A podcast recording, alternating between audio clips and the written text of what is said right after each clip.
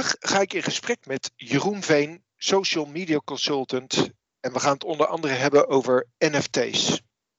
Uh, aanleiding toch is een uh, artikel uh, in de kranten hierover geweest. en mijn onbekendheid met dit onderwerp. Wat zijn dan NFT's? Non-fungible tokens is een unieke code die gekoppeld is aan een wille willekeurig digitaal product, zoals bijvoorbeeld een digitaal paar schoenen. Dergelijke NFT-producten staan geregistreerd in een digitaal grootboek, oftewel de blockchain. Inmiddels heeft de markt voor producten met NFT's de afgelopen tijd in enorme vlucht genomen. OpenSea werelds grootste website waar mensen producten met een NFT-koppeling kunnen verhandelen, verwerkte eind van vorig jaar in één week voor 598 miljoen aan uh, transacties in dollars.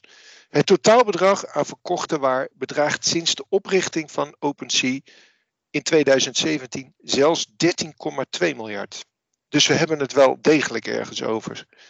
En als je dan ook kijkt naar Nike, die waagde zich recent ook in die virtuele wereld en maakte recent of maakte de overname bekend van het Britse Artifact Studios, een onderneming die digitale sportschoenen maakt. Maar nu terug naar het onderwerp. Welkom Jeroen. Dankjewel. Dankjewel uh, dat je hier zijn. Ja. Uh, kun je wat vertellen over jezelf? Uh? Yes, dat kan ik zeker. Nou, ik, ben, ik ben Jeroen. 29 jaar, zoals we altijd beginnen met, met, natuurlijk met jezelf voorstellen. Ik woon in Hogeveen, officieel. Um, ik ben marketer of social media consultant. Um, en daarbij in het speciaal help ik eigenlijk bedrijven uh, met het coachen en het groeien op LinkedIn. Dus we helpen ondernemers met het beter vertellen van hun verhaal online. En dat ze op die manier meer business kunnen vertellen. Ik heb nog een ander bedrijf dat heet Timelab. En Timelab is een, is een, is een app op je telefoon waarbij mensen een abonnement kunnen nemen. Maandelijks kunnen ze 10 foto's uploaden. En die wij printen het voor zijn klanten en bezorgen die. Uh, en daarnaast heb ik nog een, een derde bedrijf waarin we eigenlijk bedrijven helpen groeien op Instagram. Dus wat we doen is dat we een formule hebben ontwikkeld waarbij we maandelijks 3 tot 1200 volgers genereren voor onze klanten. Um, en dat is een business die ik gekozen heb omdat ik daar op die manier locatie onafhankelijk mee kan werken. Mm -hmm. Nou hoor ik heel veel over social media. Uh, we gaan het straks hebben over NFT's, maar toch om, om het gesprek te beginnen. Wat, wat zie jij als belangrijkste ontwikkelingen op het gebied van social media op dit moment?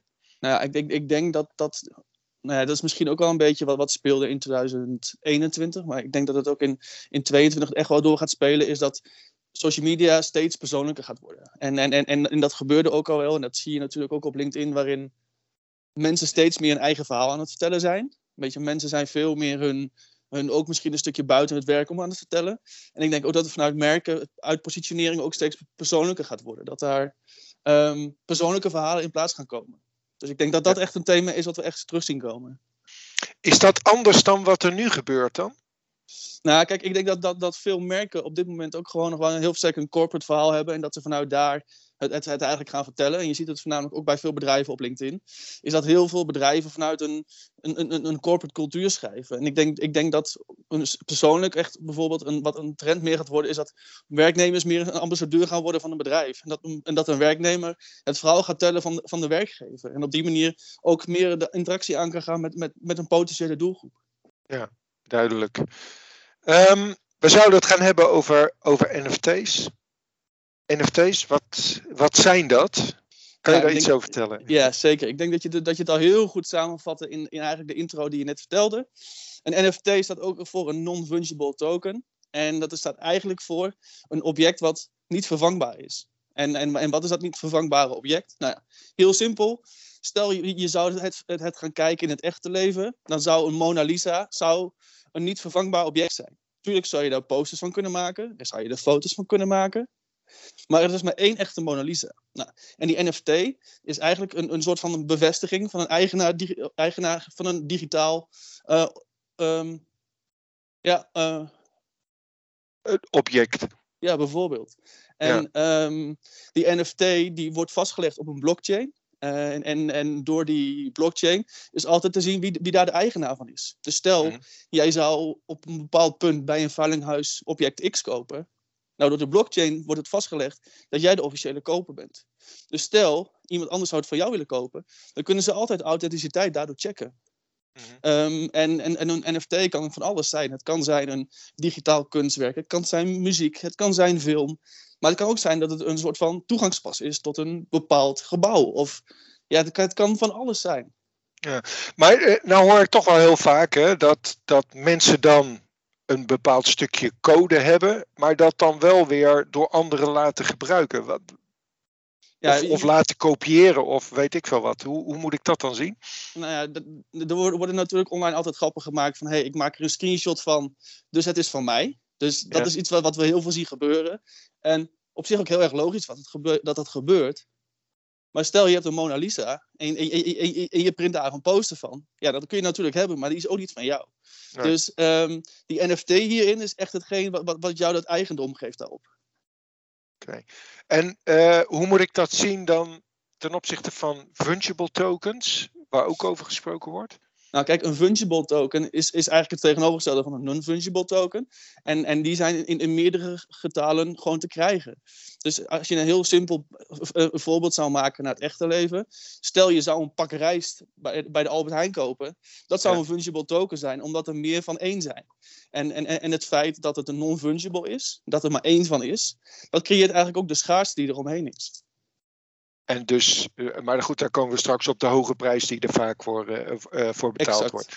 Exact. nou, nou zie ik ook die NFT's worden ook vaak in verbrand, verband gebracht met de metaverse. Ja. nou ja, Facebook heeft daar natuurlijk al zelfs zijn naam al veranderd. Hennis ja. Mouwits is recent met een digitale wereld gekomen. Hoe moet ik dat zien?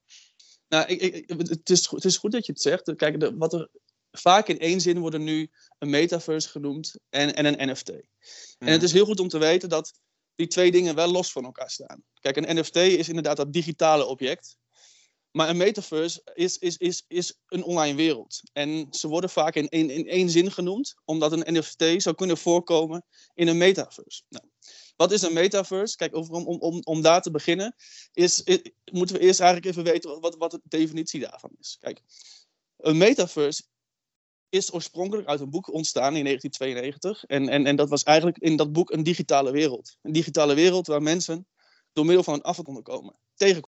Maar het is goed om te weten dat een metaverse een, een online wereld is. En we kennen metaverses eigenlijk al eerder. Er is ooit een keer een grote hype geweest over Second Life. Dan praten we over 20 mhm. jaar geleden, denk ik. Mhm. En eigenlijk was dat in een soort vorm al een metaverse. Want het was een online plek waar je samen kon komen. Nou, mhm. een metaverse, officieel, uh, is een virtueel, eigenlijk een virtuele wereld, waar je dus met een virtual reality bril in kan. Nou ja, zover is technologie nog niet op dit moment, maar we zien mhm. dus wel dat er steeds meer online werelden komen. Nou, een online wereld die nu op dit moment heel groot is, is Sandbox. En Sandbox, er worden al concerten gegeven door bijvoorbeeld de Snoop Dogg of, of zoiets. Of je hebt al dat Adidas daar land in koopt. Dus je hebt eigenlijk de NFT. Dat wordt eigenlijk een onderdeel van een metaverse. En wat dan die NFT in die metaverse is, dat kan van alles zijn. Ja ja. Um, dan ben ik toch even benieuwd om daarop door te gaan. Jij noemde al Second Life, dat is niet echt een succes geworden. waarom zou dan die metaverse nu wel slagen? Ja, dat is een goede vraag. Ik, ik denk dat, dat er meerdere factoren spelen. Eén is dat op het moment dat die markt destijds gelanceerd is, denk ik dat ze veel te vroeg waren. Want technologie was nog niet daar en de adaptatie van technologie door mensen was daar ook nog niet. Mhm. En als je nu gaat kijken van, nou, misschien bij je eigen kinderen of bij, bij mensen om je heen, zie je altijd um, kinderen bijvoorbeeld Fortnite spelen. En in Fortnite kopen ze bijvoorbeeld outfits voor hun, voor, poppetjes waar ze mee spelen en noem maar op. Dus de mensen die nu opgroeien zijn nou echt heel erg gewend om eigenlijk rond te, rond te gaan in een digitale wereld. En doordat ze zoveel online zijn, kunnen ze zich door zo'n NFT digitaal gaan onderscheiden natuurlijk. Dus um, A, ik denk zeker dat de, de, de iets oudere generatie nu met NFT's een, nog een, een langere adaptatiegang heeft dan, dan de jongere generatie. Omdat die natuurlijk helemaal opgroeit met die digitale wereld. Ja, oké. En toch, als je uh, ziet wat er op dit moment betaald wordt voor die NFT's. Ik, ik vind het echt, uh, ja, ik, ik vind het echt heel bijzonder. Dan krijg je een stukje code of, of een stukje digitaal waar enorm veel geld voor bestaal, uh, betaald wordt. Waarom? Wat is de lol daarvan? Nou, ja, he hele terechte vraag. En als je het plat slaat, is het natuurlijk ook heel bijzonder dat het gebeurt, omdat het om zulke grote bedragen gaat. Maar ik denk als je terug gaat kijken in, in de geschiedenis van mensheid, dan, dan is er altijd een soort van verzameldwang geweest. Of het nou gaat om postzegels of, of, of, of vintage Rolexen of waar het ook om gaat. Er is altijd een soort van verzamel, uh, dat mensen een, een, een ding hebben voor verzamelen. Kijk, nou wil ik niet zeggen dat dit een speciaal ding is om te verzamelen. Maar wat je wel ziet is dat er een soort van digitale schaarsheid ontstaat. En nou ja, weet je, met, met een hele simpele marktwerking is er natuurlijk altijd vraag en aanbod. En op het moment dat, dat, dat een, een vraag groter dan een aanbod is, dan zie je gewoon dat, er, um, dat de prijs gewoon omhoog gaat. En het, en het ding met, met NFT's is, is dat het op basis van crypto gaat. En de bedragen die daarin gemoeid zijn, die zijn natuurlijk op veel grotere schaal dan vaak een normale kleinere investering buiten de cryptowereld. En ja, en, dus, en, heel veel mensen vinden de techniek revolutionair. Dus die willen een onderdeel zijn van die geschiedenis of van die, die historie die gemaakt wordt. Ja, en dan zijn er mensen die zeggen van ja, we, kopen het voor de technologie. Maar het kunnen ook mensen zijn die denken van hé, hey, we springen hierop in om snel geld te verdienen natuurlijk. Dus ik denk dat het een combinatie van die factoren is. Dus een combinatie van aan de ene kant uh, mensen die gek zijn op die technologie. En aan de andere kant mensen die verwachten dat het straks enorm in waarde gaat stijgen. Ja, en ik denk dat dat, dat, dat, dat, dat twee takken zijn die heel belangrijk zijn. En ik denk ook dat heel veel mensen het gevoel hebben dat dit het stukje Bitcoin in 2017 is. En ik denk dat heel veel mensen destijds ook de boot hebben gemist met het investeren in 2017. En dat ze nu denken van hé, hey, we zijn iets bezig met zoiets revolutionairs. Van hier moeten we onderdeel van zijn. Ja. Maar is het dan ook niet iets van een piramidespel dat we met z'n allen aan het spelen zijn? Uh... Ja, eh, zo, zo, zo, zo lijkt het natuurlijk altijd wel. En, en zo voelt het natuurlijk soms ook wel een beetje. Kijk, en, en ik wil niet zeggen dat Bitcoin ook zo voelt. Maar ja, als je dat helemaal zo gaat relativeren, zijn heel veel van deze dingen natuurlijk allemaal piramidespellen. Uh, en ook, in, ook, ook buiten crypto om met investeringen natuurlijk. Dus ja. als, je, als je alles heel, heel erg gaat doorrelativeren, ja, dan zou je bij heel veel van die Ponzi-schemes uitkomen, denk ik, voor je gevoel. Ja, misschien hè, als, we, als we teruggaan in, in de tijd en we zien hè, even naar het vliegen of misschien de auto, dat in eerste instantie het ook zo was van joh, je bent gek als je daarin stapt en moet je zien hoe uh, je algemeen gebruikt uh, het wordt op dit moment. ja. ja, kijk, Kijk, ja, ik, ik, ik, ik, ik, kijk ik, ik weet niet zeker of. Kijk, het is natuurlijk voor mij ook heel moeilijk te zeggen of we daarheen gaan. Kijk, ik zou het heel mm. tof vinden dat die technologie zich ontwikkelt. Maar we zien natuurlijk dat er bij veel nieuwe dingen die komen wel altijd weerstand ontstaat. Of dat inderdaad nou een auto, automobielindustrie is, of eh, de eerste iPods, dus echt MP3-spelers. Van ja, we gaan toch nooit digitaal dingen luisteren op een klein apparaatje. Tot het bellen misschien en zelfs Facebook en Hives, weet je. Dus, dus, dus altijd in, in het begin ontstaat er altijd een soort van frictie. Ja. En toch, hè, want eh, oké, dan begrijp ik uh, de lol voor, voor mensen die daarin zitten. Maar wat, is er, wat zit er nou in voor bedrijven? Waarom gaan bedrijven als Nike, maar ook veel uh, bedrijven toch in, in uh, de, de, de, de, luxe fashion uh, ja. merken, waarom stappen die hierin? Nou ja, kijk, ik, ik denk dat het om, om dat goed te begrijpen is om eens terug te gaan naar de metaverse. Want kijk, we zien ook heel erg dat er een ontwikkeling is in VR. Dus inderdaad die virtual reality. En dat er steeds meer brillen goedkoper en beter komen, waardoor mensen in de wereld komen. Mhm. En, en, en wat Nike, denk ik, zien, en, en een Adidas bijvoorbeeld, die daar nu allebei op inspelen, is: er is, er, er, er is zo'n komst met spellen, zoals Fortnite, zoals, weet ik veel, Call of Duty, noem de spellen maar op. En op het moment dat steeds meer mensen online gaan en er steeds meer mensen zich gaan doorbrengen in de online wereld, ja, dan moeten mensen zich ook een identiteit kunnen geven in de online wereld. En mensen kopen nu al zeldzame Nike-schoenen voor grote bedragen om in de echte wereld zich te willen onderscheiden. En Tuurlijk klinkt het heel ver dat mensen zich in de online wereld moeten gaan onderscheiden. Maar ik denk dat wel Nike en Adidas in die zin een soort van risico op zichzelf nemen. En gaan anticiperen dat er op een bepaald punt naast de fysieke wereld een digitale wereld komt. En op het moment dat hun al bedrijven hebben gewoon overgenomen of geïnvesteerd hebben, ja, dan kunnen ze op het moment dat, dat die stap daadwerkelijk komt, kunnen ze heel snel schakelen natuurlijk. Maar gaat, draait het dan inderdaad alleen maar om de verkoop van zo'n digitale schoen? Nee, nou ja, in, in, in het geval van Adidas, die heeft natuurlijk zelf al een soort van NFT uitgebracht. En op het moment dat jij die NFT-eigenaar bent, geeft het je toegang tot bepaalde collecties van Adidas. Omdat je kan zien dat van, hé, hey, je bent NFT-eigenaar. Maar je krijgt in de echte wereld ook gewoon kleding in ruil daarvoor. En, en, en, en wat er dan in de toekomst komt vanuit een Adidas, dat, dat, dat weet men nog niet. Maar naarmate hun zich ook meer in die metaverse gaan ontwikkelen en daarin meer gewoon, zeg maar, vorm krijgen, ja, dan, dan, dan, dan kun jij als NFT-houder van Adidas toegang krijgen en voorrang krijgen op de rest. Dus ik denk, dat, ik denk meer dat het voor hun ook een soort van, nou, in, zekere zin wel een risico is om daar te investeren. Maar wel gewoon zorgen dat ze daarin aanwezig zijn. Ehm, mocht het wel erheen gaan, dat, dat, dat ze gewoon voor. Ja, en, maar dan wel in een combinatie van fysieke producten met digitale producten Ja. eh, op dit moment nog. Ja, ik, ik, ik denk dat, nou ja, kijk, vo- voordat de volledige adaptatie van zo'n digitale wereld is, en je zou de technologie ernaast gaan leggen, denk ik persoonlijk dat we minimaal 5 tot 10 jaar verder zijn. Dus het kan best zijn op het moment dat er binnenkort een zeldzame schoen uitkomt van Adidas, of van een ander luxe modehuis of wat dan ook, dat je daar alvast een NFT bij krijgt van het 3D-model. Op het moment dat daar zeg maar een, een fysieke toegang of, of een digitale toegang voor is, dat je eigenlijk dat kan gaan dragen. Ja, ja. Ehm, het klinkt allemaal heel mooi, maar zie je ook bepaalde risico's? Nou ja, kijk, qua investering is het natuurlijk gewoon. Het, blijft, gewoon vrij volatiele investeringen. En dat is met crypto natuurlijk ook. En er zijn natuurlijk bepaalde projecten die daadwerkelijk ontzettend gewoon goed zijn en, een- en, en een mooie basis hebben. Maar er zijn natuurlijk ook heel veel projecten die er gewoon in zitten voor, een, voor, voor voor een snelle cash grab, laat ik het zo zeggen. Dus het is heel goed om wel gewoon heel goed te kijken van, hé, hey, als ik iets ga kopen, waar ga ik in investeren? Is het zomaar een, een, een project wat ik online zie van een plaatje en omdat iedereen dat maar koopt, moet ik het ook maar hebben? Terwijl het misschien over twee maanden de stekker eruit getrokken wordt en al je geld weg is. Dus ja, in die zin moet je wel gewoon heel goed kijken van... hé, hey, waar investeer ik in, maar wat doe ik niet? Wat is het team? Weet je, en kijk, op het moment dat dat, dat klopt... Dan, dan, dan kan je die, die risico eigenlijk gaan verminderen. Maar neem niet Ja. weg dat er altijd een risico bij blijft natuurlijk.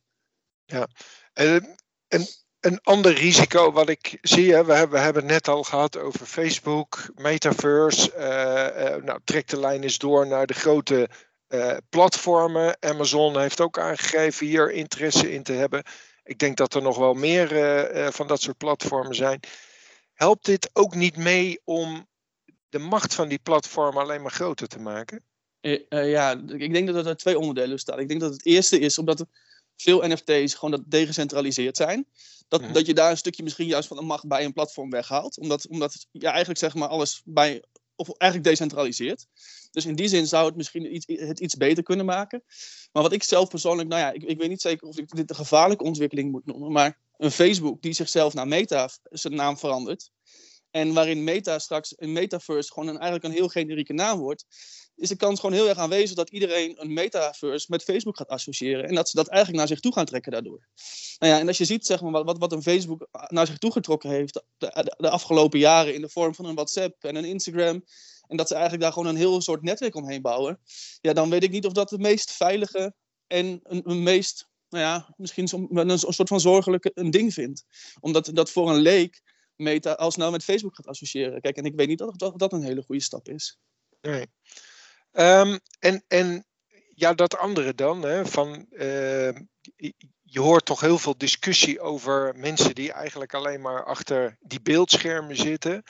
eh, en eigenlijk de, ja, alles hè, in de reële wereld om zich heen een beetje missen. Eh, wat voor een impact gaat dit hebben op het sociale gebeuren? eh, of, Ja, dat, dat, dat is een hele lastige. En Ik, ik vind dat ook een heel, heel moeilijk thema, omdat ik vind dat, dat, dat een online wereld. Kijk, weet je, ik vind, het, ik vind het een hele tof, laat ik het zeggen, dat ik het een hele toffe ontwikkeling vind. Mhm. Omdat ik van, van technologie hou en alles wat ik als kind wou, zeg maar, met digitale werelden ontstaat. Maar ik kan me voorstellen dat het voor bepaalde mensen wel heel lastig kan zijn. Omdat op het moment dat je wat, wat moeite hebt om, om in een fysieke, sociale wereld te manoeuvreren, omdat, omdat je het misschien op één op, op één manier moeilijk vindt, ja, kan het straks heel makkelijk zijn om te ontsnappen in de digitale wereld. En dan, dan is het wel in, in die zin zorgelijk, denk ik. Omdat je gewoon minder beweging krijgt, je komt minder buiten en, en je isoleert jezelf. Dus ik denk dat dat, dat gewoon wel gewoon. Op het moment dat je, dat, dat je daarvoor kiest om in zo'n online wereld straks te gaan ja, bewegen, dat, dat, dat, dat je daar goed over nadenkt. En ik ja, kijk, en ik vind dat wel. En dat het sociale thema eraan is wel dat, dat, dat, dat, dat ik dat wel een lastige vind. En dat dat, dat, dat in, in- het is niet te reguleren, maar mo- moet wel gewoon Nee. voor opgepast worden. ja, ja, met eh, waarschuwingen die eronder komen te staan. eh. Ja, kijk, kijk en, en, en, dan om even terug te komen op je, op, je, vorige vraag. Kijk, en dan is de vraag natuurlijk hoe Facebook en Instagram ermee omgaan. Omdat ze natuurlijk zijn, gewoon zijn gemaakt om jou zo lang mogelijk te boeien. Ja. Dus ja, kijk, en, en dan hoe leuk die technologie ook is en hoe gaaf dat ook is. Ja, op het moment dat dat zo wordt gecreëerd, dat, dat mensen maar steeds langer online willen zijn en daarbij willen zijn, kan dat wel gewoon gevaarlijk zijn. Mhm. Is, is het voor jou, zou jij merken of retailers aanraden om deze trend niet te missen? Of Eh, misschien nog even wachten? Ja, kijk, het punt is, als je, kijk, het- is natuurlijk een vrij complex antwoord, omdat die, om- omdat die op verschillende niveaus beantwoord moet worden. Kijk, op het moment dat je wacht, dan, dan kun je straks de laat zijn. Dat is natuurlijk het hele, hele, hele, hele, hele FOMO-verhaal. Kijk, het, het, het- het is afhankelijk met wat voor doelstelling je hebt. Kijk, ik, kijk, ik denk dat merken verschillende doelstellingen kunnen hebben met het, het instappen op een metaverse. Kijk, zoals een Adidas is erop ingestapt.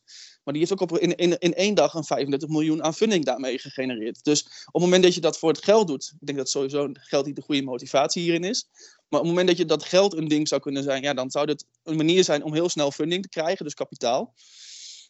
Kijk, de technologie, ik denk dat die, dat die blijft. Want ik denk persoonlijk dat die NFT's en gaming uiteindelijk wel echt gemixt gaan worden. Dus inderdaad dat een Nike-schoen misschien ergens in een spel voorkomt. Of nou ja, op die manier zeg maar wel zijn, zijn ding doet. Dus ik denk dat daar wel een, dat, dat, dat een hele grote stap is. Dus op, op het moment dat jij een modeproduct hebt, of misschien een horloge of wat dan ook, kan ik me voorstellen dat dit wel iets is wat, wat nu moet gaan jeuken binnen het bedrijf. Van hé, hey, misschien moeten we daar iets mee gaan doen. En, en de vraag is nu even van hé, hey, hoe snel wordt dit geadopteerd? Het kan zijn dat het nu in één keer heel snel gaat. Het kan zijn dat er nog een paar jaar overheen gaat.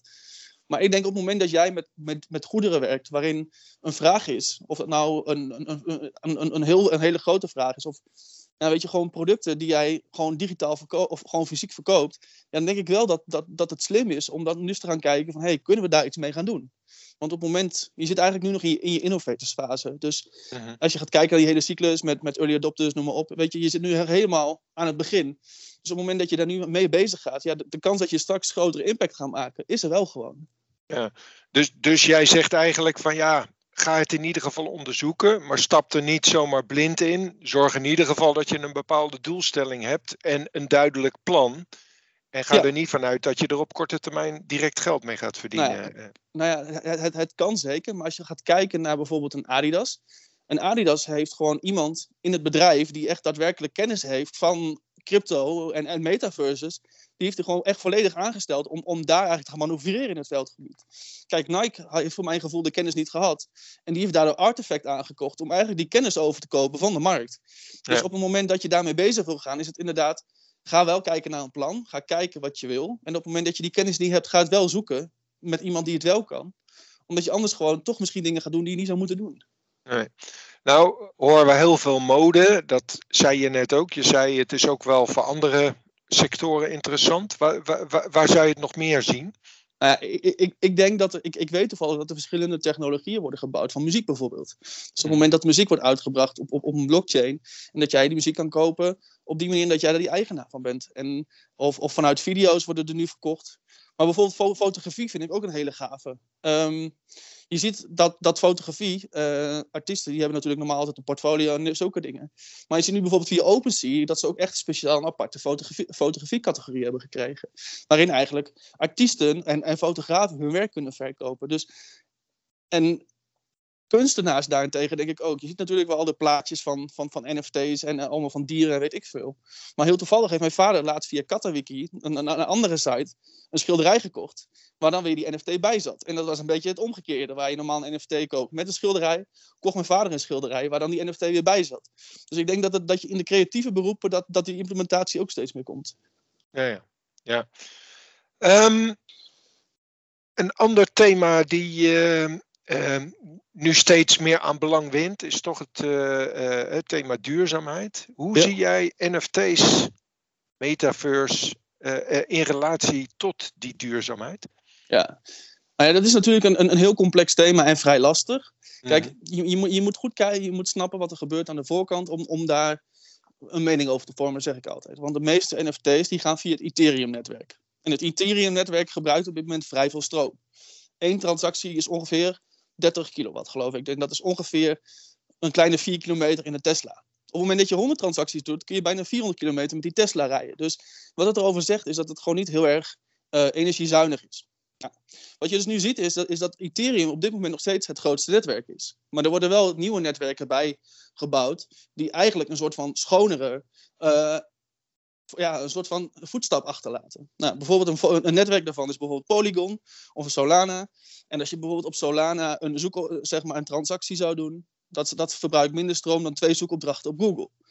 Alleen het punt is, als de massa-adoptie nog op Ethereum zit en, en, en, en, die, en die vervolgstap naar die andere netwerken gaat heel langzaam, en dan blijf je wel op een platform wat natuurlijk veel, heel veel energie verbruikt. Dus ja, ja in die zin is, is, is Ethereum gewoon niet een, niet een heel schoon netwerk, laat ik het zo zeggen.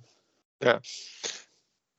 En dus uh, eigenlijk in strijd met uh, de richting die we met z'n allen op willen. Ja, zou je eigenlijk wel een beetje. Ja, een beetje wel, maar goed. Beetje. En als, je, als je dan toch kijkt naar uh, de toekomst. Hè? We hebben het natuurlijk al gehad omdat NFT's ehm, ja, eigenlijk voor een deel ook een toekomstverhaal zijn. Maar als jij nou zou mogen dromen en we zijn vijf jaar verder, hoe zie jij dan die rol van die NFT's? nou, kijk, laat ik vooropstellen dat ik, dat, dat, dat ik NFT's aan zich heel erg tof vind, omdat ik altijd het verzamelen heel erg leuk heb gevonden. Um, kijk, ik, ik, het is niet persoonlijk misschien een, een, soort van eigen droom, maar ik denk dat het heel tof is dat die technologie steeds verder wordt uitgerold. Op het moment dat je inderdaad een metaverse hebt en je kan spullen kopen in die metaverse of wat dan ook, en dat gaat allemaal via die blockchain-technologie, ja, dan, dan, dan weet je zeker dat, dat je over authentieke dingen praat. Kijk, en weet je, een voorbeeld wat ik altijd gebruik is, stel jij zou bijvoorbeeld een t-shirt van Messi kopen en, en daar staan handtekeningen op. Dan weet je dus nooit of dat echt, echt, echt ooit een keer gedaan door Messi is. Weet je, je, kan het niet zien of je moet net een filmpje hebben gehad en dat moet allemaal gedocumenteerd zijn. Kijk, ik denk dat heel veel mensen ook nog steeds, soms wel via marktplaats of wat dan ook, gewoon nog steeds spullen kopen. En dat ze er achteraf, achteraf achterkomen dat het nep is.